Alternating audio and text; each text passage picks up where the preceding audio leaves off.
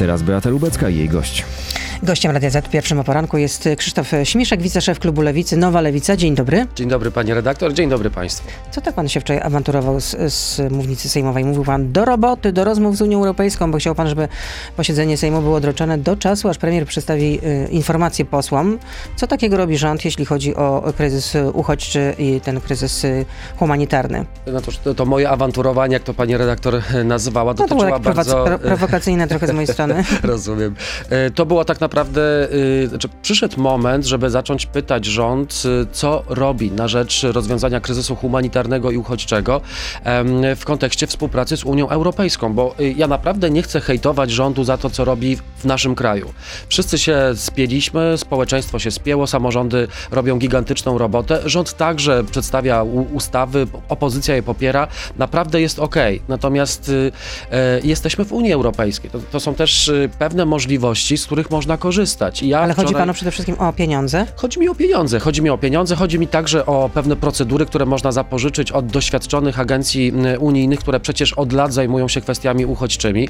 I e, ja pytałem wczoraj e, z mównicy sejmowej, dlaczego w przeciwieństwie do Rumunii, e, która już wystąpiła do unijnej agencji do spraw azylu o wsparcie, o pieniądze, o know-how, o ludzi, o funkcjonariuszy, Polska uważa, że poradzi sobie sama. Nie, nie poradzi sobie sama.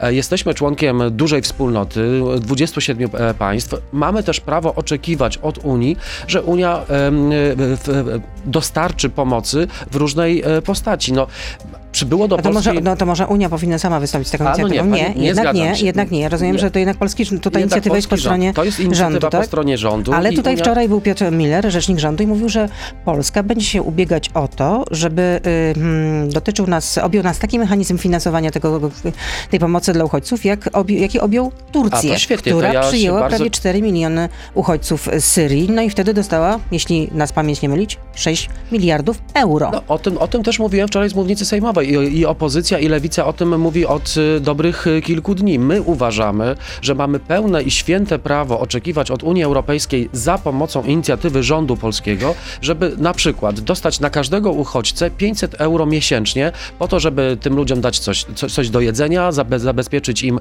e, mieszkanie czy podstawowe e, produkty do codziennego życia. Mamy prawo oczekiwać, że wspólnota y, wstawi się e, za nami, czy też będzie z nami współpracowała w tej kwestii. Nie ma dzisiaj niczego ważniejszego niż uwspólnotowienie problemu uchodźczego na terenie Unii Europejskiej. Czyli czego konkretnie pan się y, spodziewa? Albo Oczekuję- czego oczekuje od rządu? Że co oczekuję- powinno się wydarzyć? Rząd powinien wystąpić do Komisji Europejskiej o stworzenie natychmiasto, natychmiastowo em, specjalnego funduszu em, wsparcia dla Polski w celu rozwiązania kryzysu uchodźczego. I nie chciałbym, żebyśmy mylili to z KPO. KPO nie jest na pomoc dla uchodźców. Na pomoc dla uchodźców powinna zrzucić się Unia Europejska, tak jak zrzuciła się na pomoc dla Turcji. Zatrzymaliśmy tam, czy Unia Europejska zatrzymała tam kilka milionów Sy- Syryjczyków i nie tylko. Więc y, nie ma, nie powinniśmy się jakoś specjalnie stresować czy wstydzić występować, y, jeśli chodzi o występowanie y, do Unii Europejskiej o wsparcie, bo my te podatki i nasz, nasz wkład do budżetu Unii Europejskiej co roku e, płacimy i mamy oczekiwać, mamy prawo oczekiwać, że wspólnota wsp- nas wspomoże, ale od, od tego mamy rząd. To nie jest tak, jak pan y, minister Szefernaker wczoraj z mównicy sejmowej nas e, tutaj pouczał, że tylko e, opozycja przeszkadza. Nie, opozycja proponuje konkretne rozwiązania. My możemy tylko wspierać, ale to rząd ma inicjatywę i to rząd powinien wystąpić o konkretne wsparcie. To jeszcze o, o KPO porozmawiamy, o Krajowym Planie Odbudowy, czy kiedy te środki zostaną e, odmrożone, bo wczoraj zdaje mieliśmy taką jednak taki dwugłos, co innego mówił minister e, Nowak, minister rozwoju, a co innego jednak mówił e, obecny w studiu tutaj właśnie rzecznik rządu, studził te zapały, ale chciałabym e, powiedzieć o tym, że doczekaliśmy się w końcu, że Sejm zajmie się dzisiaj e, projektami dotyczącymi likwidacji e, Izby Dyscyplinarnej Sądu Najwyższego. Są trzy projekty przygotowane przez powiedzmy obóz władzy. Jest projekt prezydencki, jest projekt przygotowany przez posłów Prawa i Sprawiedliwości, przez ziobrystów, jest też projekty są opozycyjne przygotowane przez Lewicę i wspólnie przez Lewicę Koalicję Obywatelską. Za którym projektem zagłosuje Lewica? Oczywiście Lewica będzie głosowała Za za swoim. swoim, projektem, którego jestem autorem. e, I się pochwalę. I, się pochwalę, ale też oczywiście będziemy głosowali za projektem em, em, przygotowanym wspólnie z Koalicją Obywatelską i organizacjami sędziowskimi. No tak, ale Em, bądźmy realistami. Te projekty nie przejdą. Panie redaktor, zapowiadam Słyszymy, dzisiaj... że prezydent postawił po prostu sprawę jasno, że albo zostanie przegłosowany jego projekt, albo nie będzie podpisu w ogóle, a jak nie będzie podpisu, to nie będzie odmrożenia pieniędzy na KPO, To ja czyli Krajowy Plan Odbudowy. zapowiadam dzisiaj, że Lewica nie będzie głosowała, złoży wnioski o odrzucenie trzech projektów tych prawicowych, prezydenckiego, pisowskiego i ziobrowskiego i będziemy głosowali za swoim projektem. Jak arytmetyka sejmowa e, na końcu się ułoży, zobaczymy. My mamy swoje projekty, które są najlepsze. Dlaczego są najlepsze? Dlatego, że trzy projekty, m, zarówno prezydencki, ziobrowski i, e, i pisowski, nie rozwiązują najważniejszego problemu.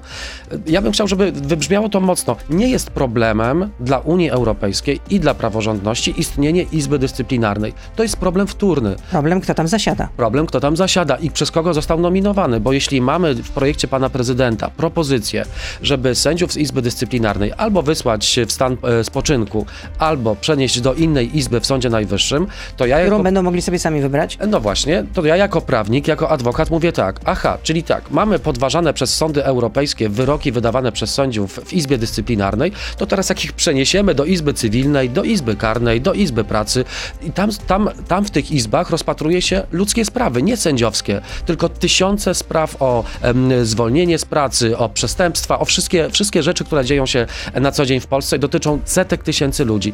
To jeśli ci sędziowie przejdą do tych izb i będą wydawali wyroki, to znaczy, że te wyroki będą obarczone wadą prawną i będzie można je podważyć. Nie ma niczego gorszego dla obywatela niż świadomość, że idzie się do sądu, dostaje się wyrok z Sądu Najwyższego, czyli ostateczny i e, w- pewnym momencie ktoś powie po kilku latach, ale ten, sąd, ten wyrok jest nieważny, bo brał udział w wydawaniu jego, brał udział nielegalny sędzia, więc problem, e, projekt pana prezydenta jest do kitu. E, trzeba go poprawiać, jeśli przejdzie do... Ja panu powiem, pan powiedział, że zobaczymy, jak się ułoży arytmetyka. No mówi się, że partię rządzącą e, wesprze, ma wesprzeć PSL, mają wesprzeć ludowcy, bo nie wesprze Solidarna Polska. Wczoraj e, minister Wójcik z kancelarii premiera, wcześniej wiceminister sprawiedliwości mówił, że ten projekt prezydencki jest nie do przyjęcia, absolutnie nieakceptowalny, a ludowcy mają zaakceptować prezydencki e, projekt, ale pod dwoma warunkami. Właśnie, że sędziowie tej zlikwidowanej Izby Dyscy- Dyscyplinarnej będą usunięci z Sądu Najwyższego i drugie, że sędz- sędziowie, którzy będą prowadzić sprawę odpowiedzialności zawodowej innych sędziów, będą mieli długoletnie doświadczenie. No, y, jeśli tak PSL zdecyduje, to to jest problem, czy, czy, czy, czy sprawa tak PSL. się mówi oczywiście, Jeśli tak się oficjalnie. mówi, no też tak słyszymy na korytarzach sejmowych, że PSL być może będzie e, e, dawał jakieś żółte światło, może nie zielone, ale żółte światło dla projektu pana prezydenta. Ale ja powtarzam jeszcze jedną rzecz. E, Dzisiaj jest moment y, próby i moment sprawdzenia. Albo się jest po stronie praworządności i jak się od siedmiu lat stoi pod sądami i krzyczy wolne sądy i konstytucja, to trzeba powiedzieć dzisiaj, za jakimi wartościami stoimy. I, stoimy. I ja dzisiaj mówię, że lewica stoi po stronie praworządności. Ale jeśli tak się wydarzy, że któryś z tych projektów, znaczy nie wyobrażam sobie, żeby w ogóle projekt pisowski czy ziobrowski przeszedł dalej do, do, do komisji, do dalszych y, prac, bo to jest jakaś katastrofa legislacyjna. Natomiast y, jeśli pa, projekt pana prezydenta przejdzie do dalszych prac, to oczywiście my już mamy swoje poprawki, które, o, które w jakiś sposób, w minimalny sposób naprawiają ten stan rzeczy, który dzisiaj mamy w Polsce. My również będziemy składali poprawki o to, żeby, e, jeśli, to, tak jak mówię, będzie to w Komisji e, Sprawiedliwości procedowane, żeby wy, wycofać wszystkich sędziów z Izby Dyscyplinarnej. Zresztą nasz projekt lewicowy mówi, mówi od samego początku, że wszyscy sędziowie z Izby Dyscyplinarnej muszą przejść w stan spoczynku. E, nie może być tak, że ci, którzy są, są nielegalnymi, są pseudosędziami, zatruwają po, polski wymiar sprawiedliwości e, swoimi wyrokami. No ale I tutaj by pan usłyszał od jakiegoś posła Prawa i Sprawiedliwości, że opowiada pan rzeczy po prostu, które nie mają potwierdzenia w rzeczywistości. Jaki nielegalny sędzia? No, jaki no, ale nielegalny? to jakby posłowie Prawa i Sprawiedliwości żyją w innej rzeczywistości prawnej, w innej, w innej, mają inną świadomość. Zresztą byłem kilka tygodni temu na spotkaniu u pana prezydenta właśnie w sprawie e, tego, e, tego projektu, jego projektu, ale pan prezydent również nie chce zrezygnować ze swojego władztwa, jakim jest y, ostateczna decyzja o nominowaniu sędziów i powiedział, że może dostać nawet tysiąc wyroków z Trybunału Sprawiedliwości Unii Europejskiej, on się nie ugnie i będzie wszystko wetował, bo to jest jego kompetencja, jego mandat jego imperium, e, jeśli chodzi o mi- mianowanie sędziów. No mamy spór, mamy głęboki spór spór w Polsce o to, czy e, sędziowie powo- powoływani przez Krajową Radę Sądownictwa, neo-KRS, e, są w pełni sędziami, czy też nie. No, Projekt to, jest, to, jest, opozycji... to można powiedzieć, że to jest, y, to jest spór niekończący się. Jeszcze zapytam na, część, na koniec części radiowej, czy cieszy się pan, że sędzia Igor Tuleja, który no, ma na pieńku z obecną władzą, został przywrócony do pracy i Ależ- to jest prawomocny wyrok sądu, stołecznego sądu. Ależ oczywiście, bo dzisiaj nie ma, dzisiaj nie ma niczego ważniejszego, nie tylko dla tych sędziów, tylko dla demokracji, dla bezpieczeństwa, obrotu prawnego ob, dla obywateli, dla bezpieczeństwa w ogóle funkcjonowania w społeczeństwie, niż sędzia, który e, może niezawiśle wydawać swoje wyroki. No jeśli sędzia nie, nie- nie jest w stanie e, e, wydać wyroku e, w Znaczy, sposób nie może niezależny, pracować, no nie może albo nie orzekać, może pracować, nie może orzekać. No albo teraz jest przywrócony karą- do orzekania. Ale, Ale- sam sędzia Tuleja już właściwie ma takie wątpliwości, czy zostanie przywrócony do orzekania, bo widział, co się działo, jeśli chodzi o sędziego Juszczyszyna. Ale e, nie znamy dnia ani godziny, kiedy e, Ziobro znowu uruchomi e, rzecznika dyscyplinarnego po to, żeby znowu sędziego Tuleje e, przywołać do porządku. Więc tak naprawdę dzisiaj możemy się cieszyć, że sędzia Tuleja, jeden, drugi e, wraca do pracy, ale tak naprawdę e, e, naprawdę wsz- wszystko może się wydarzyć i, i, Ziobro nie odpuści niezależnym sędziom. No to tyle w części radiowej. E, Pan poseł Krzysztof Śmiszek, wiceszef klubu Lewicy z nami zostaje. Jesteśmy na Facebooku, na Radio ZPL, na YouTubie, więc proszę zostać z nami. Beata Lubecka, zapraszam. To teraz zapytam właśnie o te środki na KPO. Kiedy Pana zdaniem zostaną odblokowane? Czy to lada chwila, czy to jednak jeszcze generalnie ważą się losy? Bo wczoraj, tak jak wspominałam, zresztą Pan na pewno też o tym wie, mieliśmy taki dwugłos. Z jednej strony minister rozwoju, Piotr Nowak, ale powoływał się na jakieś rozmowy z trzema komisarzami, którzy mieli to, pod, e, którzy mieli to potwierdzić, że to właściwie już jest przesądzone, że zapadła polityczna zgoda w tej sprawie. No a rzecznik rządu, minister, e, w, znaczy szef kancelarii premiera mówili co innego, że hola hola, to jeszcze za wcześnie, żeby tak mówić. To nie pan minister e, rozwoju Nowak prowadzi w ogóle te negocjacje. No, mamy na pewno do czynienia z, y, z jedną rzeczą, albo może nawet z dwoma. Po pierwsze, mamy do czynienia z jakąś grą komunikacyjną ze strony rządowej, która e, wrzuca takie wrzutki do, do przestrzeni publicznej, medialnej, że już właściwie witają się z gąską, już te pieniążki do kieszeni spływają, a, a, z drugiej strony wychodzi rzecznik rządu i mówi, że hola, hola, ale to jeszcze nie tak, nie tak różowo.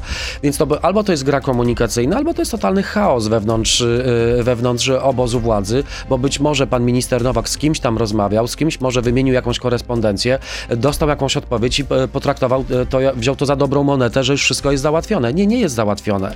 I ja naprawdę nie wiem skąd bierze się ta, ten optymizm rządu, że właściwie to już mają załatwione, że już to już mają to w kieszeni, kiedy nawet jeśli Komisja Europejska, która jest przecież ciałem politycznym, jest takim rządem w Unii Europejskiej, e, nawet jeśli chciałaby załatwić sprawę, wypchnąć już tą, tą, tą, tą sprawę Polski, bo są przecież ważniejsze rzeczy niż, e, niż bujanie się z Polską i Węgrami od siedmiu lat, to tak naprawdę Komisja Europejska jest jednak związana czymś wyższym, wyrokiem Trybunału Sprawiedliwości Unii Europejskiej. Więc Komisja może mieć wolę polityczną, tylko jest związana tym, co powiedzieli sędziowie. Czyli pan w ogóle wątpi, że, że te pieniądze zostaną odmrożone, nawet jeśli zostanie uchwalona ta y, ustawa dotycząca likwidacji jeśli Wszystko się może zdarzyć. bo- Dyscyplinarnej Sądu Najwyższego? Wszystko się może zdarzyć, bo wiemy, jak powoli działają młyny sprawiedliwości Komisji Europejskiej być może będzie tak, że znowu Polska czy polski rząd podrzuci informację pod tytułem Zobaczcie, dzisiaj rozpoczęliśmy proces legislacyjny w sprawie usunięcia czy likwidacji Izby, Izby Dyscyplinarnej. Dajcie nam chociaż zaliczkę. No może komisja zrobi tak,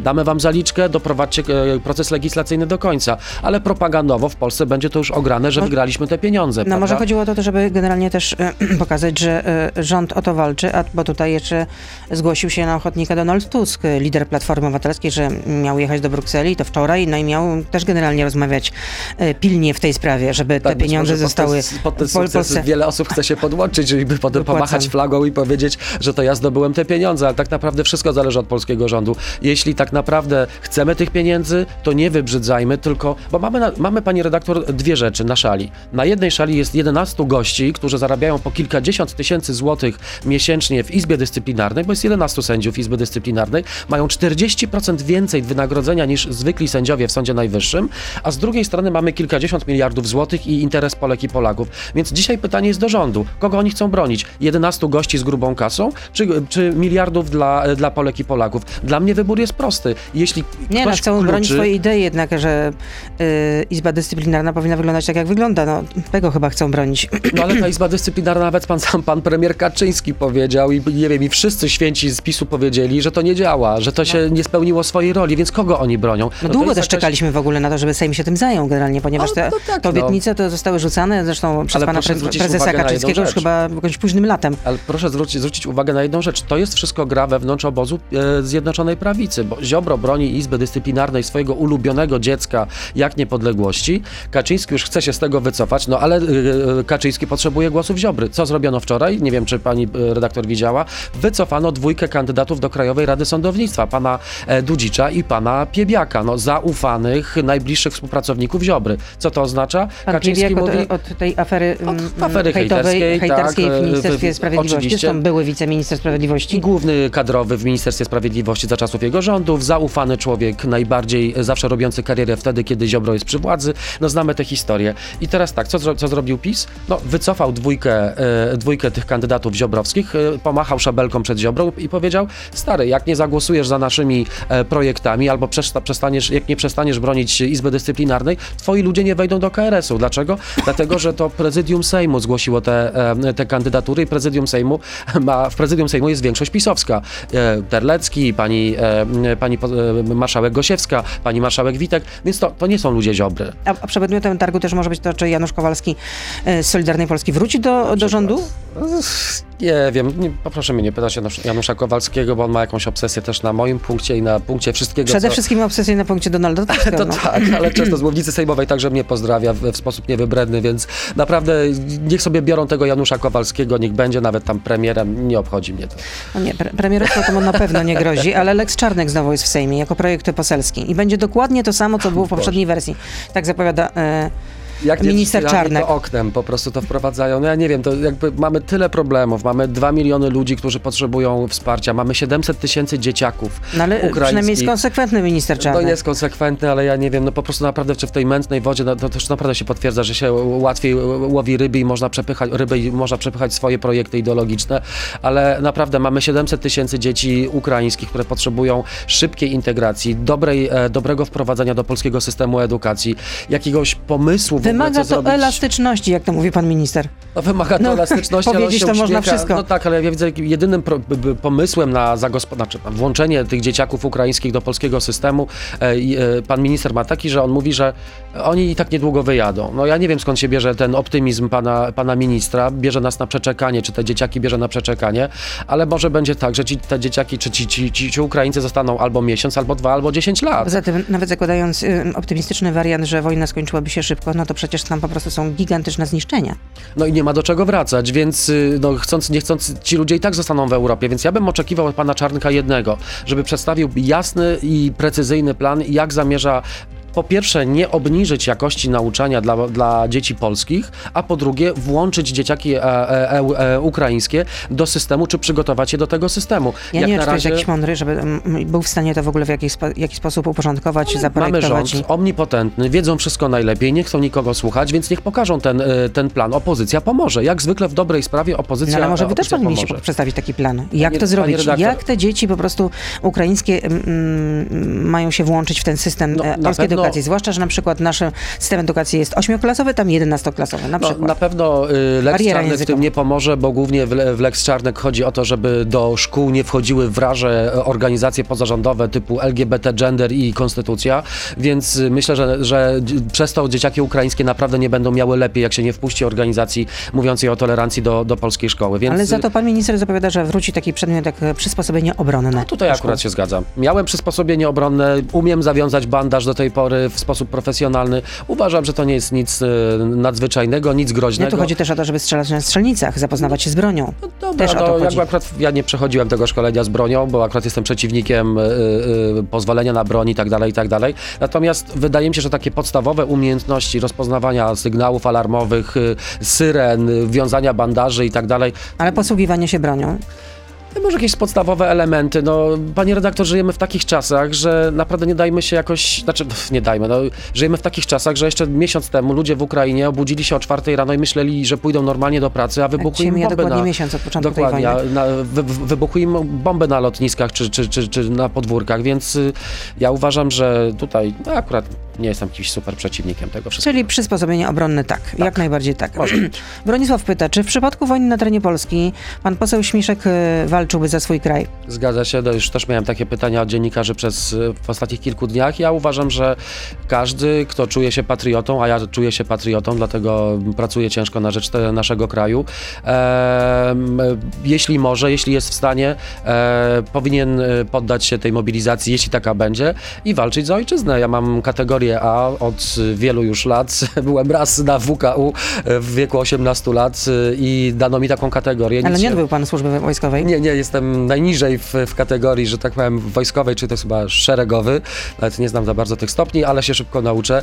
Więc yy, tak, tak, pójdę, jeśli tak będzie taka potrzeba. Yy, uważam, że to jest coś zupełnie naturalnego. No miejmy nadzieję, że takiej potrzeby No, nie ma, będzie. mamy też taką nadzieję.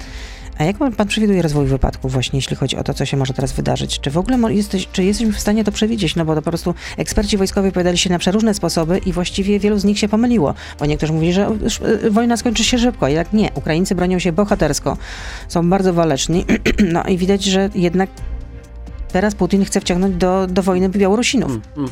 Czy ja też jestem bardzo sceptyczny wobec tych wszystkich mądrych głów, które y, nie przeżyły wojny, a mówią jak będzie, y, więc y, tak naprawdę nie wie, wiemy, że nic nie wiemy, ale wiemy na pewno jedno, że Putin jest zdeterminowany, bo widzimy, co robi od miesiąca. Widzimy, że nie ma już żadnych hamulców, że potrafi wykorzystywać cele cywilne do, do swoich politycznych, wojskowych ym, rozgrywek. Jest gotowy mordować ludzi. Wczoraj przyjęliśmy e, uchwałę Sejmu w sprawie e, uznania go za zbrodniarza wojennego, bo taka jest prawda. I wszystko to, co robi Putin, wypełnia znamiona em, zbrodniczej Ale wojny. on nie poniesie konsekwencji za to, pan wie. Panie redaktor, może Putin nie poniesie konsekwencji, ale y, Trybunał do Spraw Zbrodni w, w Kambodży, Trybunał do Spraw Zbrodni w, w Jugosławii, byłej Jugosławii, pokazał, że kogoś można pociągnąć do odpowiedzialności. I to nie jest tak. I być może jest tak, że władcy i możni tego świata nigdy nie ponoszą odpowiedzialności, ale są jacyś generałowie, są jacyś dowódcy, którzy mówią, są jacyś ministrowie obrony, którzy wiedzą, co się dzieje. Może Putin jest odizolowany od rzeczywistości, ale na pewno minister obrony rosyjskiej e, nie jest. Do, No dowódcy, tak, tylko że od 11 dni nie wiadomo, co się z nim dzieje, nie pokazuje się publicznie. Nie, od 11 marca, przepraszam, od 11 marca pojawił się publicznie e, w, w mediach e, po raz ostatni. Podobno jest chory, ale nie jest to w żaden sposób zweryfikowane. tak, Podobno choroba serca. Tajemnice Kremla są no, niezbadane, pewnie dowiemy się za 50 lat, tak jak w sprawie Stalina. No nie, ale to co się, jednak co jest, się no, wydarzyło. to jednak jest bardzo znaczące, jakby nie patrzeć. Niemniej jednak, ja uważam, że trzeba podnosić pewne kwestie na forum międzynarodowym, trzeba nazywać rzeczy po imieniu i też cieszę się w tym całym nieszczęściu, że tak szybko społeczność międzynarodowa okrzyknęła em, Putina zbrodniarzem wojennym. W, w, w innych sprawach, w, innych, w sprawie innych państw to trwało lata, więc y, dzisiaj ta presja jest zdecydowana i to, co my możemy robić jako politycy, jako Polacy, jako społeczeństwo, jako, jako władza, jako rząd, to mówić, e, mówić prawdę i tak jak jest, nie, nie negocjować, wspierać i tak dalej, ale nazywać rzeczy po imieniu. To jest najważniejsze, bo w historii tak naprawdę potem ostają się te, te, mm, e, te rzeczy e, jasno komunikowane, kto zrobił dobrze, a kto zrobił źle. I jeszcze jedno pytanie od Jacka tym razem. Wolne media, wolność słowa, tyle o tym mówicie. A gdy spytałem się, czy zgadza się pan z wypowiedzią swojego szefa, to nagle ban? No to jak to jest? Są te wydatki na wojsko potrzebne, czy nie? Czy tak jak niemiecka lewica będziecie mówili, po co te samoloty, budujmy mieszkania? Nie za bardzo rozumiem. Ja nikogo No nie ktoś banuję. pana zbanował, znaczy Aha, kogoś, pa, kogoś pan zbanował, no. Tak, mam strasznie dużo troli ostatnio na moim e, Jacek? Twitterze, e, więc banuję e, hurtowo e, ostatnio jakieś nieznane profile, ale nie, nie, znaczy dla mnie wolność słowa jest najważniejsza i dlatego jestem u pani redaktor, bo się bardzo się stresowałem przed, przed wejściem Serio? na, A na dlaczego? studia. No nie wiem, no, jest pani taka groźna czasami, więc, e, e, ale ja idę do każdego medium, w którym mogę powiedzieć e, swoje, swoje zdanie i nawet jeśli zostanę skrytykowany, nie obrażam się, więc nie wiem za bardzo o co chodzi. Dla mnie wolność słowa jest rzeczą najważniejszą No w to, de- to tak, czy wydatki na wojsko są potrzebne, czy nie?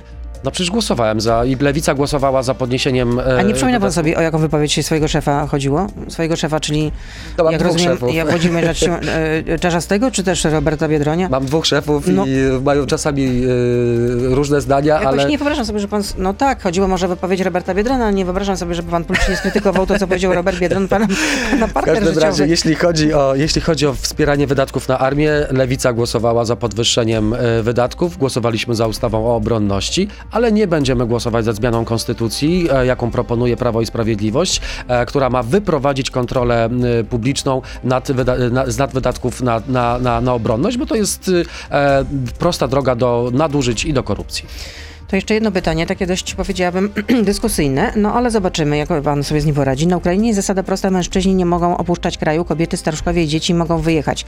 I ciekawi mnie, e, co pan na to? Czy mężczyźni, którzy czują się kobietami, powinni mieć według pana prawo do wyjazdu z Ukrainy? A to pewnie w zależności od tego, jak, y, e, jak przeszła procedura uznawania tych osób, e, jeśli chodzi o, o ich akta stanu cywilnego. Wiem, że w Ukrainie jest znacznie bardziej postępowe e, ustawodawstwo niż w Polsce dotyczące uznawania płci metrykalnej. Dzisiaj w Polsce mamy koszmar, jeśli chodzi o uznawanie e, przynależności do innej płci. W Ukrainie jest to bardziej postępowe ustawodawstwo, więc jeśli te osoby wyjeżdżające mają odpowiednie dokumenty, jestem za tym, żeby nie dyskryminować nikogo. Jeśli nie, myślę, że trzeba każdy przypadek traktować z ostrożnością, tolerancją, łagodnością, bo to są dramaty ludzkie, to są sytuacje życiowe i naprawdę dajmy tym ludziom żyć i jeszcze nie, nie wrzucajmy ich w jakąś, w jakąś drugą, drugą potworność na granicy. Dziękuję za spotkanie. Krzysztof Śmiszek, wiceszef Klubu Lewicy e, i Nowa Lewica. Dziękuję No, bardzo, dziękuję. miłego dnia. To był gość Radia Z. Słuchaj codziennie w Radio Z i na player radioz.pl.